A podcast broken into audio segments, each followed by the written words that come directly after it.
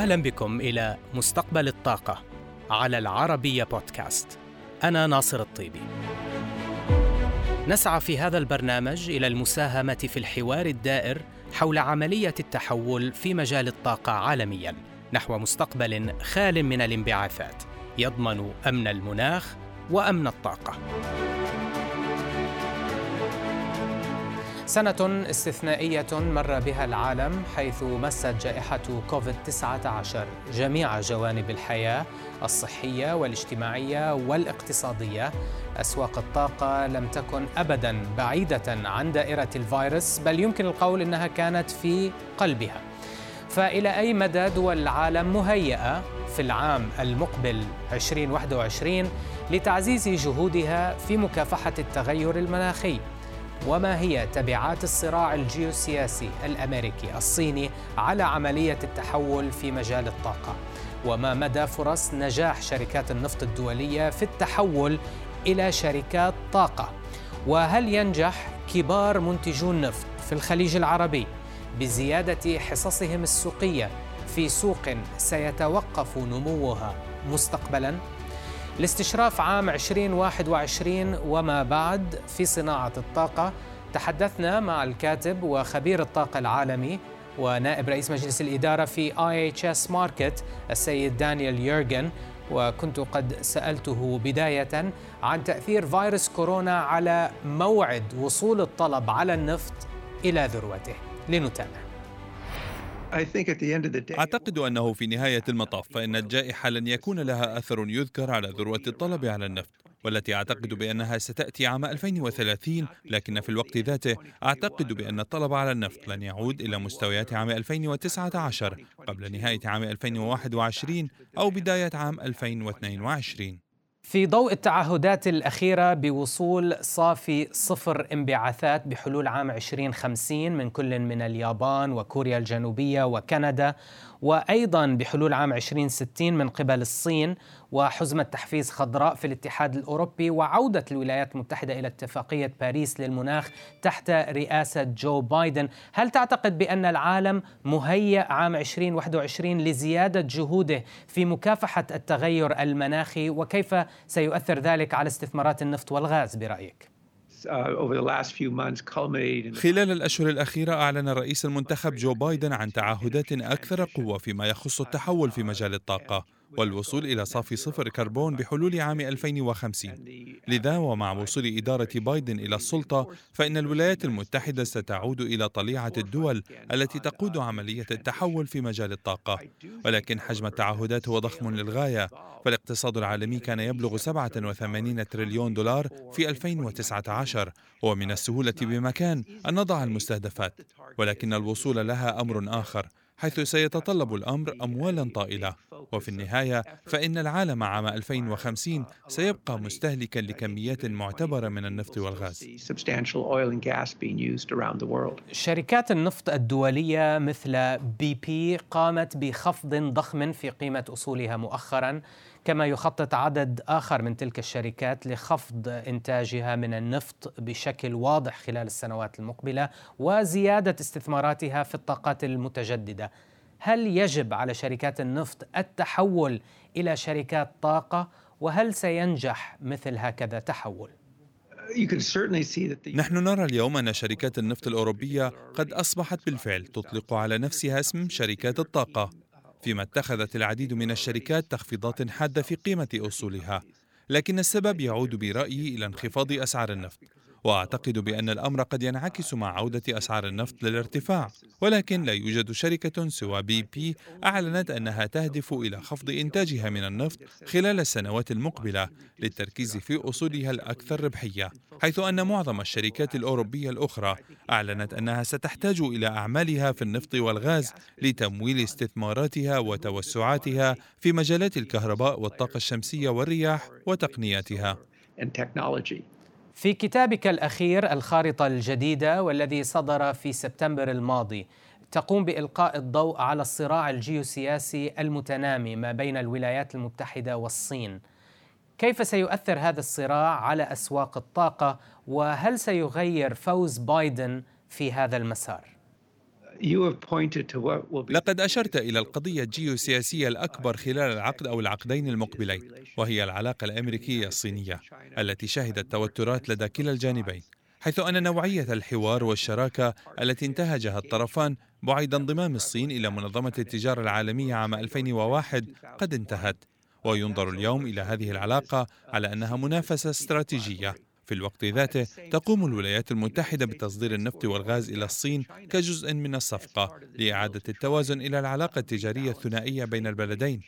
ولكن برأيي هذه المنافسة الاستراتيجية سيكون لها ذيول كثيرة. أهمها أولا ما حجم أثر هذه المنافسة على إجمالي الناتج المحلي العالمي. لا أعتقد أن الكثيرين يعيرون هذا السؤال اهتماما بالغا. ثانيا وهو أمر معني به أنا من خلال أبحاثي وهو ماذا سيحدث لسلاسل الإمدادات العالمية التي سيحتاجها العالم للوصول إلى صافي صفر كربون حيث سنحتاج إلى تحول هائل في وجهة الاستثمارات في المواد وما شابه. ولكن كيف سيتأثر هذا الأمر بالتنافس الأمريكي الصيني؟ خاصة أن الصين مهيئة للعب دور محوري في سلاسل الإمداد المرتبطة بالطاقات الجديدة. لذا أرى أن هناك العديد من العوامل التي ستنشأ من هذا الصراع لكن الكثيرين غير واعين لها. وأعتقد أن إدارة بايدن ستعكس نفس المخاوف الأمريكية السابقه وهو الحال نفسه في الصين كذلك لكن بايدن سيحاول المضي قدما بطريقة أكثر استقرارا وأكثر قابلية للتنبؤ. وأرى أن الملف الذي سيتعاون فيه الطرفان هو الملف المناخي.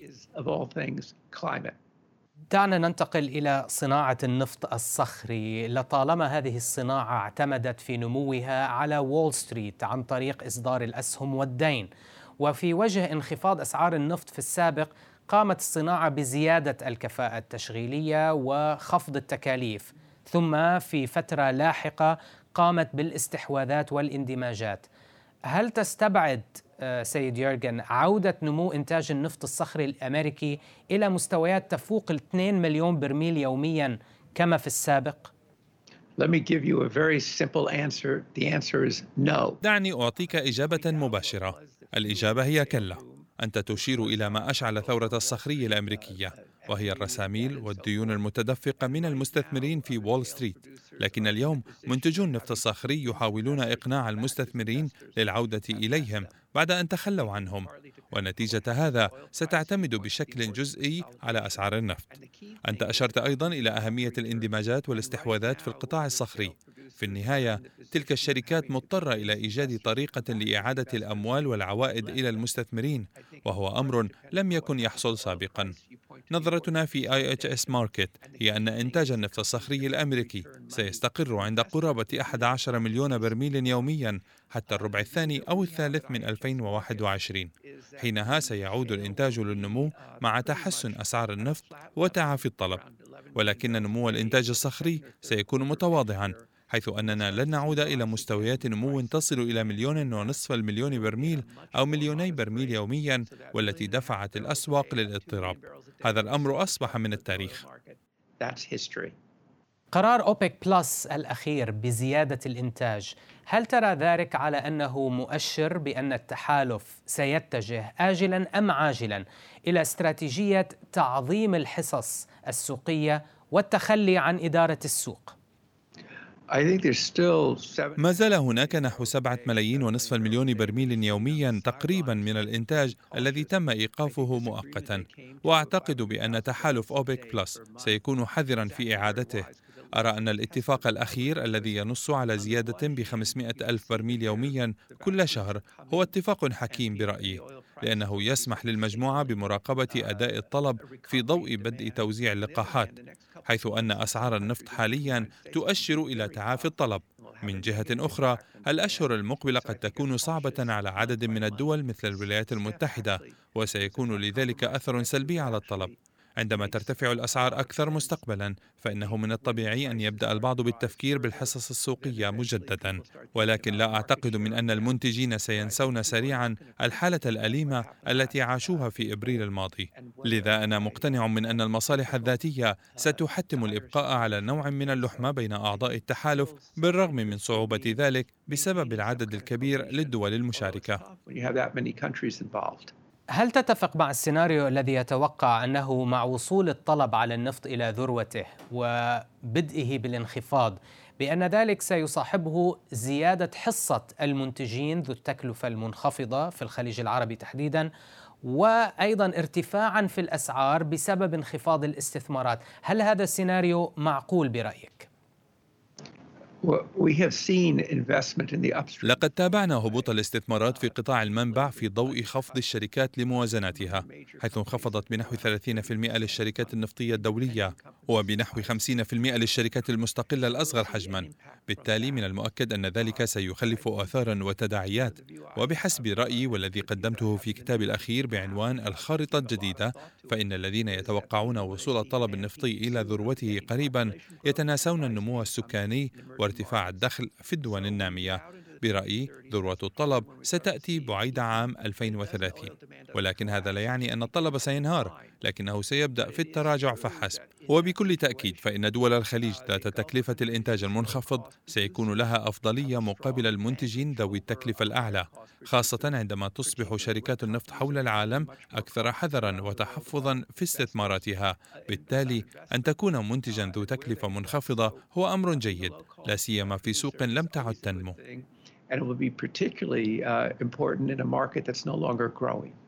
ولكن هل ممكن أن يصاحب ذلك ارتفاع في أسعار النفط كذلك؟ Uh,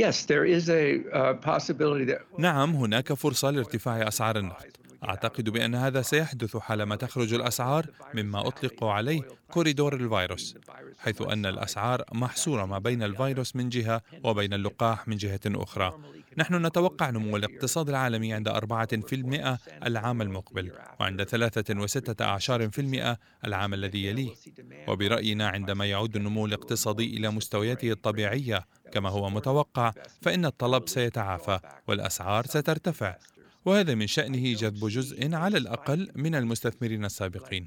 أنا لا أعتقد بأننا سنشهد قفزة كبيرة وسريعة في أسعار النفط كالتي شاهدناها في العقد الأول مطلع الألفية الحالية في ضوء نمو طلب الدول الناشئة حينها. ومن العوامل الداعمة لذلك هو شعور عام بالاطمئنان ناحية أمن الطاقة وهذا هو أحد تبعات النفط الصخري الأمريكي وهو أمر إيجابي بالنسبة لصناعة النفط لأن القفزات السعرية الحادة تؤثر سلبا على الطلب.